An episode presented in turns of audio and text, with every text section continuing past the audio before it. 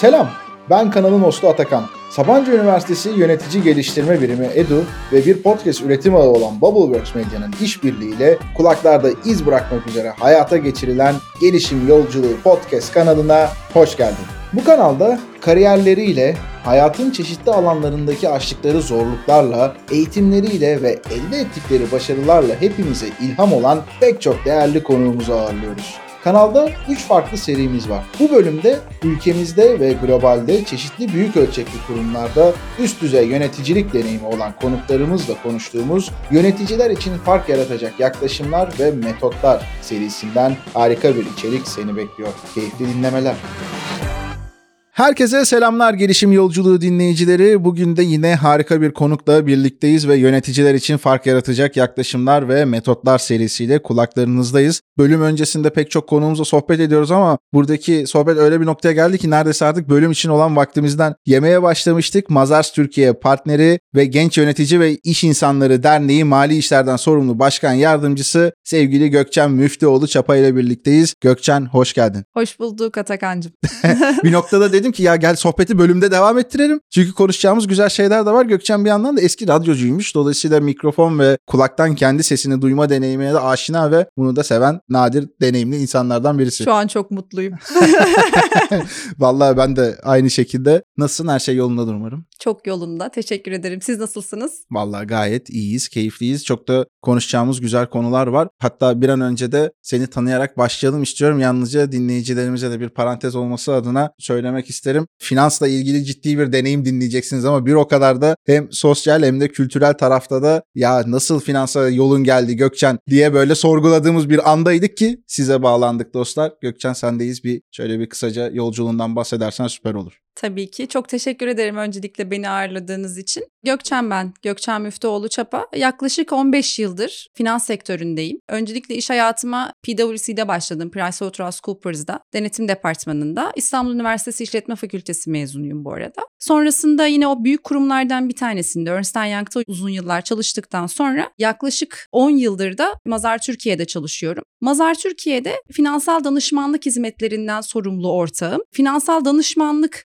nedir diye merak ediyorlar. Çünkü denetim bizim ülkemizde daha çok duyulmuş bir alan. Danışman olarak sayımız daha az. Çok kısaca ben şirket alım satımlarında aracı olarak alıcı veya satıcının danışmanlığını yapıyorum. Bu özel bir alan. Anlatırken şey diyorum hani denetim biraz daha standartların belli olduğu bir iş. Terzilik gibi düşünebiliriz. Yapacağınız iş çok belli. Burası da stylist diyebiliriz. Danışmanlar biraz daha modacı kıvamında lüks bir hizmet aslında. Ama son yıllarda gençlerin de ilgisi bu yöne kaymaya başladı biraz daha duyulmaya başladı. 15 yıldır hem işte finans, muhasebe danışmanlık alanında hepsi uluslararası kurumlar olmak üzere çalışıyorum. Bir yandan işte çeşitli üniversitelerde öğretim görevliliği pozisyonlarım var. Eğitim alanında bayağı bir şeyler yaptım. Bir yandan konuşacağız. İşte sivil toplumda Atakan söylediğin gibi işte Genç Yönetici İş İnsanları Derneği'nde bu dönem için başkan yardımcılığı pozisyonum var. O da çok keyifli bir dernek. Çok faydalı toplum yararına çalışan. Bu şekilde aklıma geldikçe devam edeceğim. Zaten sohbet içerisinde içerisinde de açarız Aynen, konuşuyor mutlaka. Oluruz. Biraz böyle sosyal yönlerden de bahsetmek evet, ister evet. misin? Şöyle ve şimdi sivil toplum dünyası ya belki ben Atakan'ın söylediği gibi hani eskiden beri böyle sanat işleriyle doğam gereği ilgilendiğim için her zaman biraz daha toplumsal konular, sanatla ilgili konular benim hep çok ilgimi çekti. Dolayısıyla iş hayatında da işte kader seni biraz o tarafa doğru itiyor neye ilgin varsa. Sivil toplumla kendi alanımda etki yaratabileceğim neler var diye bakmaya başladım açıkçası. Dolayısıyla birçok dernekte arka planda derneğin işte finansal konularını işleyen, destek olan pozisyonda çalışıyorum. Mesela ihtiyaç haritası ile birlikte çalışıyoruz. Özellikle o çok güncel bir konu olduğu için deprem zamanında onlar çok fazla bölgede işte Hatay Kahramanmaraş bölgesinde özellikle yardım faaliyetleri yürüttüler. Hala yürütüyorlar. Mesela onların deprem esnasındaki nakit giriş çıkışlarının denetimini ben ve ekibim yapıyoruz. Onun dışında işte adını bildiğiniz yine işte Açev'di, Kagider'di, Spot'tu birçok derneğin denetimlerini ihtiyaca göre danışmanlıklarını yapıyoruz. Onun yanında yine aslında Atakan'la da karşılaştığımız, tanıştığımız işte TÜSİAD'dı ya da bir takım Türkiye'de de adını bildiğiniz hızlandırıcılarda mentorluk ve eğitmenlik yapıyorum. Bunların birçoğu bizim pro bono dediğimiz gönüllü hizmet kapsamında ve ben bunu yapmayı çok seviyorum. Seninle bir telefon görüşmemizde de zaten konuşmuştuk hani insanlar bir yerlere gelirken bir şeyler alıyorlar ama bence aldığın kadar vermek de lazım. Dolayısıyla ben hani çok şükür diyelim şansım yaver gitti bir yerlere geldim iş hayatında. O yüzden şu an aldığımı gençlere vermeye çalışıyorum açıkçası. Yani kimin ihtiyacı varsa.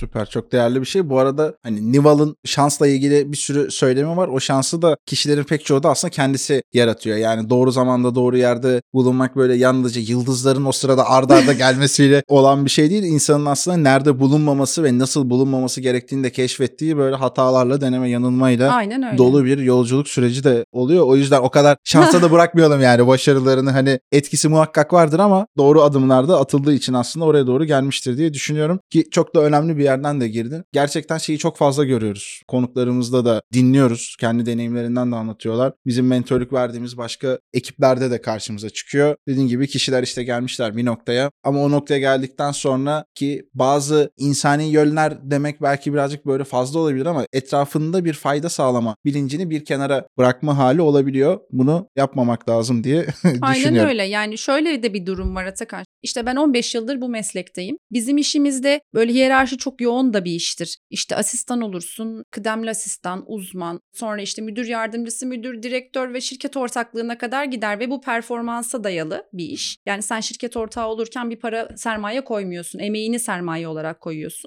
Ama hani oraya gelirken bir sürü insanla yolun kesişiyor. İşte kimisine yardım ediyorsun, kimi sana yardım ediyor, birlikte çalışıyorsun. Ben 15 senede bunu yaptım. Ama şu an gençlerin gittikçe şartları zorlaşıyor. Yani benim 15 senede yaptığımı belki yapacak o 25 senede. Çünkü şartlar, ekonomik durum, rekabet artıyor. Dolayısıyla ben şimdi onlara gözümü kapatırsam o zaman ben geldiğim yeri unutmuş olurum. Bu da bana yakışmaz diye düşünüyorum açıkçası. Kesinlikle. Şimdi benim de aslında ilk o halin bahsettiğim TÜSİAD'la tanıştığımız günlerden beri de çok sevdiğim bir şirket aynı zamanda işte Güzel'le bir Coşkun'a da buradan da bir Ben de e, çok selam seviyorum da- kendisini. Aynen gönderelim. aynen sizi zaten çok güzel de bir burada ortaklığınız güzel işleriniz var. Bir Mazars Türkiye'yi de konuşalım Tabii. isterim. Şimdi Mazar Türkiye aslında az önce ismini saydığım diğer şirketler gibi uluslararası bir şirket. Denetim muhasebe danışmanlık hizmetleri veren çok büyük bir kurum. İşte belki 90 ülkede bizim ofisimiz var. Türkiye'de 6-7 ofisimiz var. Yaklaşık 400 kişiyiz. İşte dünyada binlerin üzerinde, 40 binlerin üzerindeydi en son çalışanımız var. İzel Levi Coşkun da aslında Mazar'ın CEO'su. Biz de aslında İzel'le tanıştıktan sonra ben Mazar'a gelmeye karar verdim. Yani aslında öyle bir iş başvurusu gibi değil de onunla tanıştık. Dedim ki benim burada olmam lazım. Çünkü bakış açısı, insani yaklaşımı, çalışanlara olan yaklaşımı ve dünyaya olan bakış açısı beni çok etkiledi. Dolayısıyla dedim ki ve sivil topluma olan yaklaşımı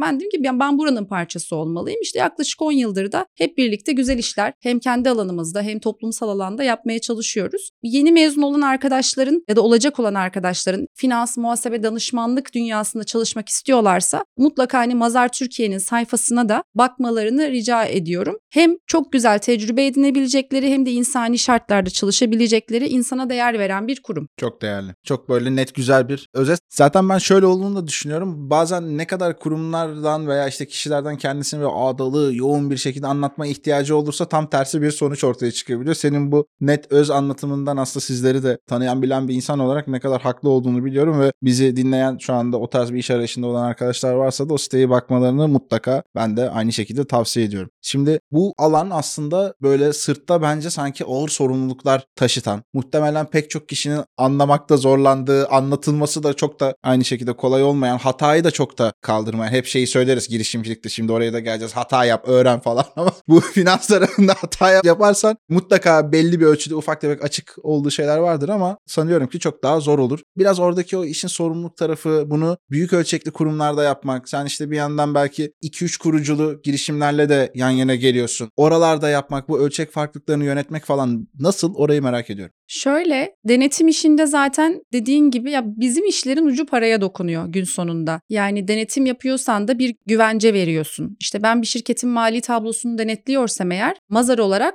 bir görüş veriyorum ve o görüşte diyorum ki işte şu şu tarihler arasında bu şirketin mali tabloları makul ölçüde güvenilirdir diyorum ve ben verdiğim görüşte insanlar bu görüşe bakarak diyelim ki halka açık bir şirketin mali tablosundan söz ediyoruz. Hisse senedi alacaklar belki. O mali tabloya göre bir yatırım yapacaklar. Dolayısıyla Dolayısıyla aynen dediğin gibi hani o mali tabloda böyle finansal tablo okuyucusunun diyelim kararını değiştirecek ölçüde büyük bir hata olmamalı. Dolayısıyla o denetimi yapan o proje ekiplerinin sorumluluğu çok yüksek. Denetimin bir de belli standartları var ve denetçiyi regüle eden kurumlar var. Dolayısıyla o kurumlara karşı da sorumluluklarım var. İşte SPK'sı, KGK'sı, BDDK'sı ve sırayla ağır kurumlar. kurumlar ve onların hepsi aslında hem denetçinin üzerinde yani baskı anlamında hem de kurumların üzerinde. Dolayısıyla denetim işi o manada sorumluluğu ve riski çok yüksek bir iş. Bu denetim tarafı bağımsız denetim. Bir de bizim işimiz, benim işim de danışmanlık tarafı. Benimkinde danışman olduğum için biraz daha serbestim. Çünkü danışmanlık dediğiniz zaman evet bir takım regülasyonlar var ama şey değil. Hani denetim kadar standartize bir iş değil. Şirketten şirkete, danışmandan danışmana yorumlama değişebilir. Aslında bu hakimsen kolay olan değilsen de işi çok inanılmaz zor hale getiren bir şey. aynen öyle. Yani danışmanlık tarafında hani bir şirketin alım satımına danışmanlık ediyorsan belli usuller ve belli uluslararası normlar var. Ama bunlar böyle denetimdeki kadar keskin standart gibi değil. Yalnız orada da işi çok iyi bilmen lazım. Diğer türlü dediğin gibi yanlış bir harekette karşındaki kişiye, kuruma, müşteriye milyon dolar kaybettirebilirsin. Ve bizim sözleşmelerimizin müşterilerle yaptığımız şöyle ona şey diyoruz işte hani zarar karşılığı gibi. Diyor ki senin yüzünden ben bir zarara girersem bunun bilmem kaç katını senden temin ederim gibi ibareler olabiliyor. Danışmanlık tarafında elimiz biraz daha rahat ama orada da işi çok iyi bilmen lazım. Nitekim hani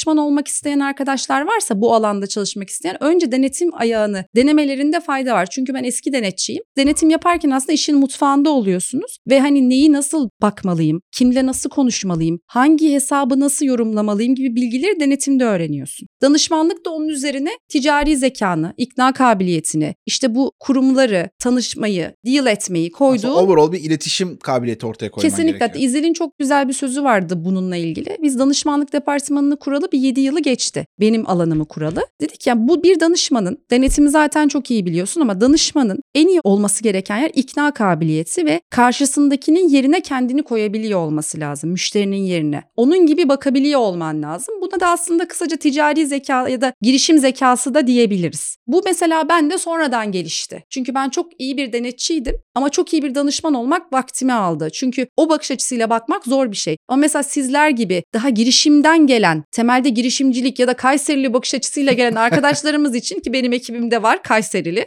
Direkt o makine gibi çalışıyor. O da bir kas bence girişimcilik kası. Aklıma gelmişken söyleyeyim mesela bizim okullarımızda kesinlikle ilkokuldan başlayarak bunun ders olarak verilmesi lazım. İşte artık buna esnaflık 101 mi dersin? İşte girişimcilik 101 mi dersin? Hani çocuklara bu ticari bakış açısını öğretmemiz lazım ki ileride işte sizler gibi girişimci ya da bizim gibi işte bir iş yapmak istiyorlarsa bunu kolay yapsınlar. Diğer türlü çok batıp çıkar, çok tokat yerler. Onları da gördüm hani Kurumları sordun. Kurumlarda bu işler biraz daha regüle. Kurumların kendi içerisinde bu işleri yürüten departmanları oluyor. İşte CEO'lar, CFO'lar zaten tecrübeli bizim konuştuğumuz insanlar ama mesela şeylerde girişimler ve startupların eğer danışmanlığını yapıyorsak onlar bize çok daha fazla ihtiyaç duyuyorlar. Çünkü bu alana çok uzaklar. Orada biz mazar olarak hani butik de hakikaten çalışıyoruz. Mümkün olduğunca desteklemeye çalışıyoruz. Hani sadece bir iş yapıyor olmanın, sözleşmenin bir kenara koyup hani hakikaten o kurumun ihtiyacı, o startup'ın ihtiyacı neyse ona yardımcı olmaya çalışıyoruz. Kesinlikle. Yani dediklerin hepsine ayrı ayrı katılıyorum. Şöyle bir durum var mesela. Ben de hem aile tarafından hep esnaflık, ticaret, geleneksel anlamda işler geliyordu. Hem de işte kendimizle girişimcilik yolculuğunu yaşadık. Orada iki tane böyle aklımda olan konu var. Bir tanesi babam hep şey derdi yani. Mesele malı satmak değil. Yani malı zaten satamıyorsan zaten yoksun. Aynı mesele de. Mesele onu sattıktan sonraki aldın, verdin, takip ettin. Nerede ne Aynen kaldı, öyle. ne gitti. Düzenli o vadeleri karşılayabiliyor musun vesaire. Orayı yönetebilmekte. işin daha zor olabilen kısmı o. Bir diğeri de bizim de mesela inovasyon danışmanlığında işte yatırımcımız olan Goin'de de oraya mesela bazen işte yeni ekip arkadaşı bakıyoruz vesaire. Şunu çok net görüyoruz. Bir kere mutlaka bir girişim batırmış, çıkarmış hiç değilse birkaç sene veya hadi bir sene diyelim minimumda oranın o terkan durumunu içten içe böyle derin bir şekilde yaşamış birisi olması gerekiyor. Metotlara hakim olması gerekiyor. Bir de biraz önce tüm bu anlattıklarını o ikna edebilme, güven verebilme. Her kurumun ihtiyacı aynı değil. Onu doğru analiz edebilme aynı. İşte İzer abinin dediği gibi karşı tarafın yerine kendini temelini koyup ezbere gitmeme gibi bir sürü şey gerektiriyor. O yüzden oldukça önemli ve böyle hakikaten adım adım da geliştirilmesi gereken kaslar. Yani ben liseden beri bu tarz girişimcilik işleriyle tanışmış olmasaydım Çok muhtemelen zordu. bu yaşlarımda değil de bir 5-6 sene sonra 40'lı yaşlarında anca buralarda olurdum. şey Tabii. yapardın. Çünkü Aynen. öyle yani tokat yemen gerekirdi daha çok. Yani Tabii. senin babanın mesela esnaf olması da bir avantaj bence. Kesinlikle. İşte mesela bizim ekipteki arkadaşımızın hem Kayserili olması hem de babasının ticaretle uğraşması benim hayatımı o katmerli kurtarıyor. gelmiş tabii aynen.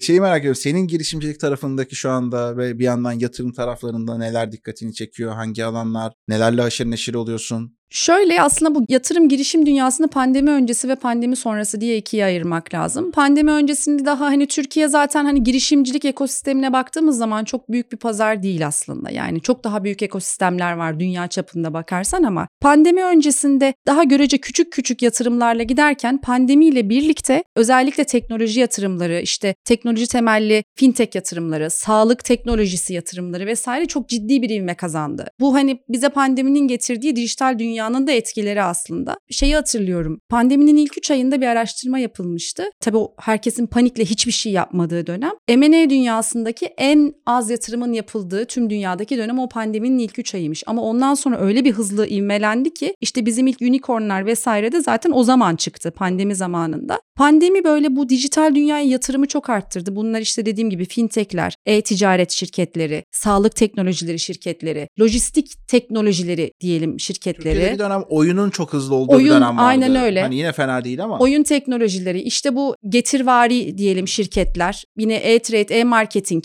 marketingin farklı kolları, marketing data analiz, data mining şirketleri ciddi yatırımlar aldı ve almaya devam ediyorlar ama şöyle bir şey değişti pandemiden sonra. Şimdi yatırımcılar biraz daha ayaklarını yere sağlam basmak istiyorlar. Bir dönem böyle paralar birazcık daha dağıtıldı diyelim. bir değerleme balonu olmuştu. Belki takip Aynen edenler öyle. hani biliyordur. Aynen Türkiye'ye öyle. de hafif yansıdı ama asıl özellikle Amerika'da coşmuştu yani ortalık. Aynen öyle. Hani herkes bir şey bulayım da parayı bir yere yatırayım. Keza pandemi döneminde bizim şey bu borsaya giren şeyi de takip ettiyseniz bireysel ve kurumsal anlamda borsanın en hızlı yükseldiği yani kullanıcı anlamında en hızlı yükseldiği dönemdi. Teyzeler bile borsadaydı yani hisse senedi alıp satıyorlardı. Hani o dijital dünyanın evde kaldım ne yapsam bir yere mi yatırım yapsam biliyorsun kitlesel fonlama şirketleri kuruldu vesaire. Bunlar iyi güzel olsun da zaten işte bunların bir kısmı regüle de edildi ama şu an yatırımcılar daha ayakları yere basan startuplara yatırım yapıyorlar. Yani şöyle diyor yatırımcı bana ya tamam fikir çok iyi eskiden fikre de yatırım direkt yapabiliyordu büyük paralarda yatırabiliyordu ama diyor ki şu an bizim MRR dediğimiz işte aylık tekrar eden bir geliri olsa hani bir müşteri dahi olsa bir rutini olsun diyelim işte bir takım modellemeler yaptıysa kendini ileriye yönelik projeksiyonlar yaptıysa bunlar hani ayağa yere bassın ben ona yatırım yapayım. Rasyolara baktığında yalnız tabii o pandemi döneminden biraz daha geriye gitme söz konusu. O eskisi kadar hani bol keseden para dağıtılmıyor.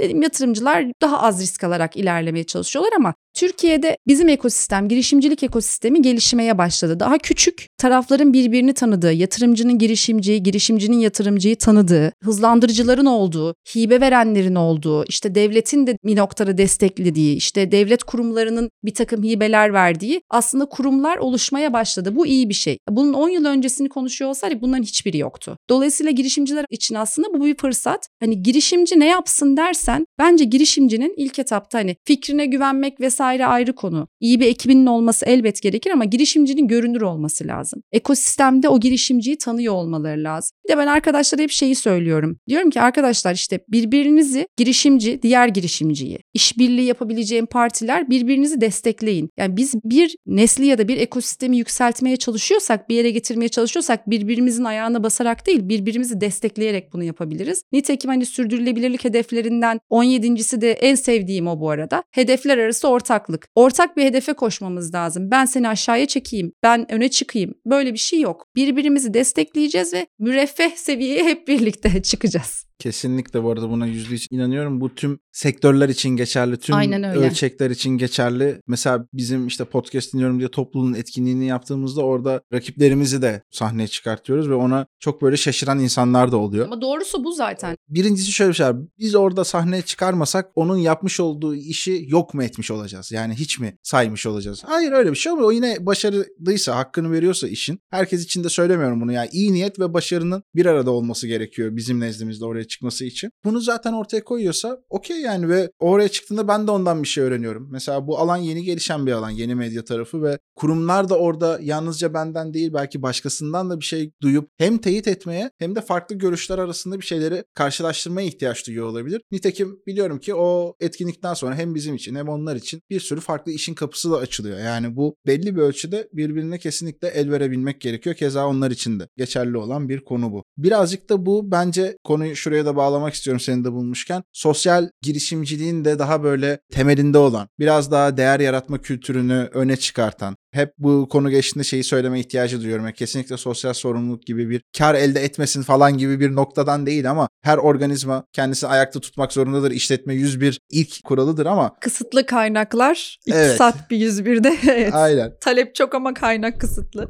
Kesinlikle buradaki işi de doğru bir şekilde yönetebilmek ve değerini arttırabilmek için de aslında işte farklı farklı çalışmalar yapar. Sen oralarda bayağı aktifsin. Sivil toplum tarafında bayağı aktifsin. Yani birbirinden tabii bir noktada biraz ayrılıyor ama oralarda neler gözlemliyorsun? Özellikle olayı şuradan dokunmanı rica ediyorum. Bizi dinleyen kişiler arasında pek çok kurumdan farklı farklı konumlarda yöneticiler de var, girişimciler de var ama ağırlıklı profesyonel bir kitle var. Belki onlara da ufuk açabilecek veya neler yapabileceklerine dair birkaç yönlendirme veya biraz heyecan yaratma heyecan. fırsatı yakalarız. Tamam. Benim için finans tarafında bir rutin yaptığımız şeyler var. Sosyal girişimler için ya da toplumsal kalkınma üzerine çalışan kurumlar için bir standart onların ihtiyaçları olan regülasyon sebebiyle denetimler var. İşte çünkü bu kurumlar fon alıyor biliyorsunuz. Yani bir sürü dernek, işte kooperatif ya da bir takım topluluklar ayakta kalabilmek için ve ya da projelerini yürütebilmek için fon alıyorlar. Ve bu fonu sağlayan kurumlar da denetim istiyor. Diyorlar ki biz sana para verdik ama sen bu parayı gerçekten söylediğin gibi mi harcadın? Bunu bağımsız bir kurum denetlesin. Şimdi biz bu tarafta zaten bu kurumlara destek oluyoruz. Bu bir. Ama bunun yanında ben ve hani Mazar ve İzel felsefesinde şunu da yapıyoruz. Diyoruz ki sosyal girişimlere ne tür destekler verebiliriz bunun dışında? işte sosyal girişimin mesela bizim bir projemiz var. İşte bugün sabah hatta bir ekiple konuştuk. Buradayız Hatay Derneği sana da bahsettim. Mesela onlar Hatay'da çok ciddi bir şekilde çalışıyorlar. İşte onlarla bugün bir toplantı yaptık. Dedik ki hani nasıl size yardımcı olabiliriz? İşte dediler bizi şu kurumlarla tanıştırabilirsiniz. Şöyle şöyle ihtiyaçlarımız var. Bunlara yardımcı olabilirsiniz. Neticede bir iş dünyasının içinde olduğumuz için birçok kurumla bağlantımız var. Derneklerin ihtiyacı olan iletişimi kurmaya çalışıyoruz ya da onları tanıtmaya çalışıyoruz. İşte içeride yaptığımız mesela bizim her ay düzenlediğimiz bir STK panayırımız var. Oraya farklı farklı dernekleri çağırıyoruz ve onların kendilerini tanıtmalarını istiyoruz ki insanlar onları tanısın. Bunun yanında şöyle bir şey düşünebiliriz. Profesyoneller dinliyor. Mesela bir fikirleri olabilir e ve bu fikirleri toplumsal bir etki yaratacak bir fikirdir. Bunu mesela artık yeni dünyada bir kendileri ya da arkadaşlarıyla bir platform oluşturup sonrasında destek alabilecekleri şekilde kurup yaygınlaştırabilirler. Bu bir dernek üstünden olabilir, vakıf üstünden olabilir, kooperatif üstünden olabilir. Hepsi olabilir. Şu an bunu yapmanın yolları çok açık. Mesela girişim sermayesi fonu diye bir şey var. Bu girişim sermayesi fonu özünde venture capital, startuplara, yeni nesil şirketlere destek olmak amacıyla kurulan fonlar. Mesela burada da çok enteresan fırsatlar var startuplar için ya da kendi bir fikrin varsa bir girişim sermayesi fonu sana da yatırım yapabilir. Sosyal girişimde sen çok güzel bir şey söyledin. Yani bu sosyal girişim hayrına iş yapmak demek değil. Genelde öyle de anlaşılıyor. Tabii yıllarca öyle konuşuldu ya. Hayır işi. Anma hizmeti. Anma hizmeti. Öyle değil. Şimdi sosyal girişim dediğin iki bacağı var. Bir, hakikaten toplumsal fayda sağlaması gerekiyor. İkincisi sürdürülebilir olması gerekiyor. Sürdürülebilir olmasının altında yatan şey de finansal sürdürülebilirliğe ihtiyacı var. Kimse hayrına çalışmıyor neticede. Elbette hayır işi yapılıyor orada. Yani bir toplumsal fayda sağlıyorlar ama neticede bu insanların da ayakta kalabilmesi için bir gelir modeli kurmaları lazım. Biz bu modeli kurarken de mesela onlara destek oluyoruz. Bu yapıların kurulmasında nasıl bir gelir üretmeleri gerekiyor ya da bu modellemenin nasıl yapılması gerekiyor ya da yatırım bulma esnasında nerelerden yatırım bulabilirler? Mesela bu noktalarda da çünkü ben birçok sosyal girişimle çalıştığım için kim nereden yatırım alıyor,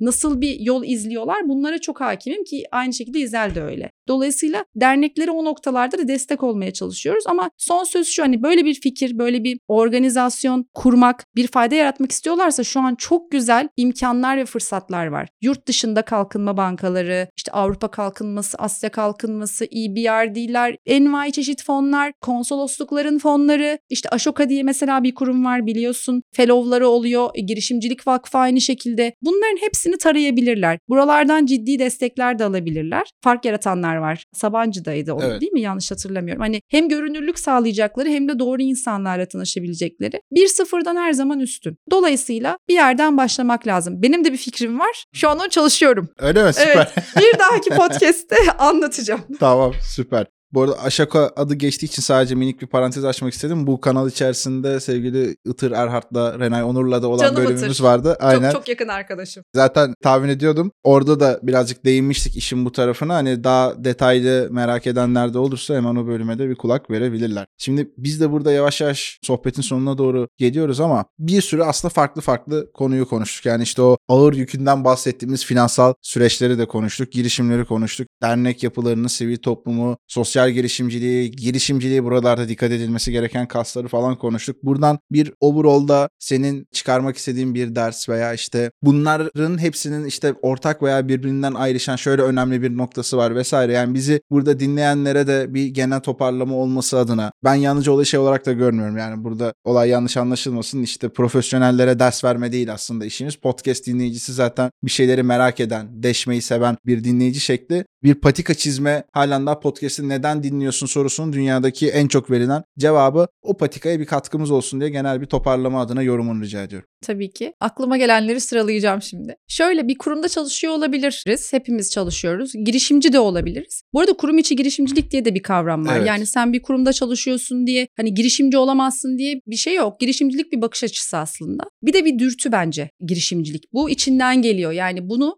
her neredeysen yapıyorsun. Bir bakış açısı, bir dürtü. Dolayısıyla böyle fikirleri olan, aklında böyle hani durduğu yerde duramayan arkadaşlarımız varsa, kurumda bile çalışıyor olsa ben olsam şunu yapardım. Neye ihtiyaç var? Hangi soruna ne çözüm bulabiliyorum? Nasıl farklılaşabilirim ve nasıl bir fayda sağlayabilirim? Bunları düşündüğünüz zaman aslında bunu yaparken aynı zamanda bunun finansal etkisi de yanında geliyor. Yani ilk başta çok para kazanmak olmuyor amaç. Ben bir toplumsal fayda yaratacağım. Ben bir soruna çözüm bulacağım. Ama siz burayı kurarken şunu da düşünmeye başlıyorsunuz. Peki buna nasıl bir gelir modeli oluşturacağım? Hepsi böyle yanından yanından bir noktada birleşiyorlar. Dolayısıyla hani çekinmesinler, korkmasınlar, fikirlerini açıkça söylesinler ya da bir yapıya oturtsunlar. Kurumun içinde veya dışında olabilir ki kurumlar tarafından da çok desteklenen bir şey bu şu anda. Tabii, tabii. Sen Son 5-6 yılda çok üst Aynen. düzey bir seviyeye geldi bu Hani işler. kurumlar bu tarz girişimci kafasındaki insanları ya da fikirleri ciddi anlamda destekliyorlar. Dolayısıyla çekinmesinler, önde olsunlar, fikirlerini savunsunlar ve yapıcı olarak da anlatsınlar neden olur, niye, neden istiyorum. Bu bir.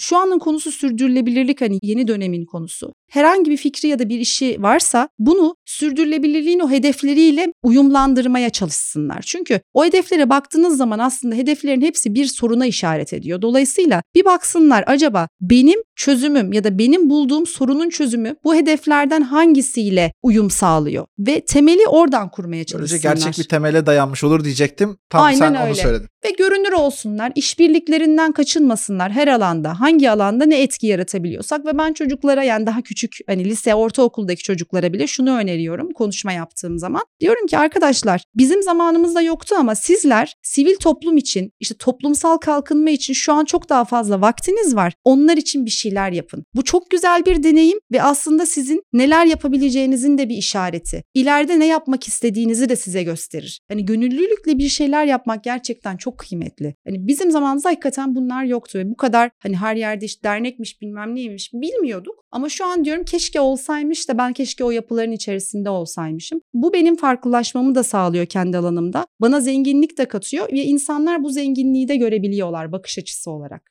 Tam bu zenginlikten aslında minik bir parantez açacaktım oraya. Hani bölümün başına demiştin ya aldığımız şeylerden aslında biraz da vermemiz gerekiyor. İşin o alanlarında bulunmak öyle bir şey ki verirken aslında yeniden bir şeyler almanı da sağlıyor. Aynen öyle. Yani Atakan. karşılıklı Aynen ciddi bir öyle. besleme sürecine sokuyor. Yani bunu böyle hadi şimdi böyle tamam kendi kaynaklarımı tüketeyim modunda görmemek lazım. Maddi manevi her türlü şey için söylüyorum. Çünkü çok farklı ufuklar açabilecek temaslar kuruyorsun aslında bir mesela bizim seninle tanışmamız E, da tabii. aynı şekilde. Yani bir yerde bir temas etmişiz ve birbirimizi unutmamışız. Hani bu da öyle ki hani yine böyle bir işti. Kesinlikle. Hani mentorluk Evet, evet. işte eğitim vesaire birlikteydik. Demek ki böyle bir yerde temas ediyorsun ve iz bırakıyorsun. Temelde iz bırakmaktır hepimizin derdi. İz bırakıyorsun ve biz bir tekrar bak bu iz bizi bir araya getirmiş oldu. Aynen, bu ne bağ, güzel sohbet oldu. Aynen, bağ bir kurmuşuz. sürü kişiye de dokunmuş olduk Evet, buradan da şimdi. Çocukluğuma iniyorum. Şimdi çocukken ben bu arada sonunu söyleyeyim. Bana sorduklarında hani ne olmak istiyorsun derler ya herkes hı. bir şey olmak istiyor. İşte öğretmen olan doktor olacak şarkıcı vesaire. Ben tabii her hafta herkesin şeyi değişir ama ben diyordum ki öyle bir şey olmalıyım ki bana birisi geldiği zaman işte Gökçen bana yardım eder misin dediğinde yardım edebilmeliyim. Yani bunun bir tanımı yoktu danışman oldum. Ve hani o Güzel. sivil toplum hakikaten o çalışmalar gerçekten hani beni oraya getirdi. Dediğin gibi hani sana vakti verdiğinde o sana enerji olarak geri dönüyor. Özellikle gençlerle ilgili bir şey yapıyorsan. Ben bunu çok önemsiyorum. Yoruluyor muyum? Evet yoruluyorum. Bir sürü etkinliğe katılıyorum, konuşma yapıyorum, mentorluk yapıyorum. Yorucu ama olsun. O bana ekstra enerji olarak çocukların hani bir şeyler öğrendiğini, gözlerinin parladığını, bir şey yapmak için umut ettiklerini gördüğüm zaman benim için tamamdır diyorum. Bitti. Burada ben alacağımı aldım, vereceğimi de verdim. Süper. Bir şarkı söyleyerek kapamak ister misin diyesim ya. Buradan Çok alakasız bir geçişle şöyle. Şimdilik hiç asken.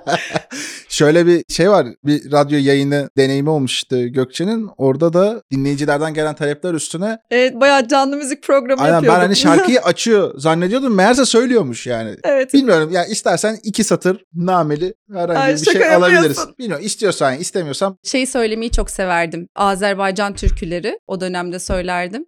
Köşelere su serpmişem, köşelere su serpmişem. Yar gelende toz olmasın, yar gelende toz olmasın.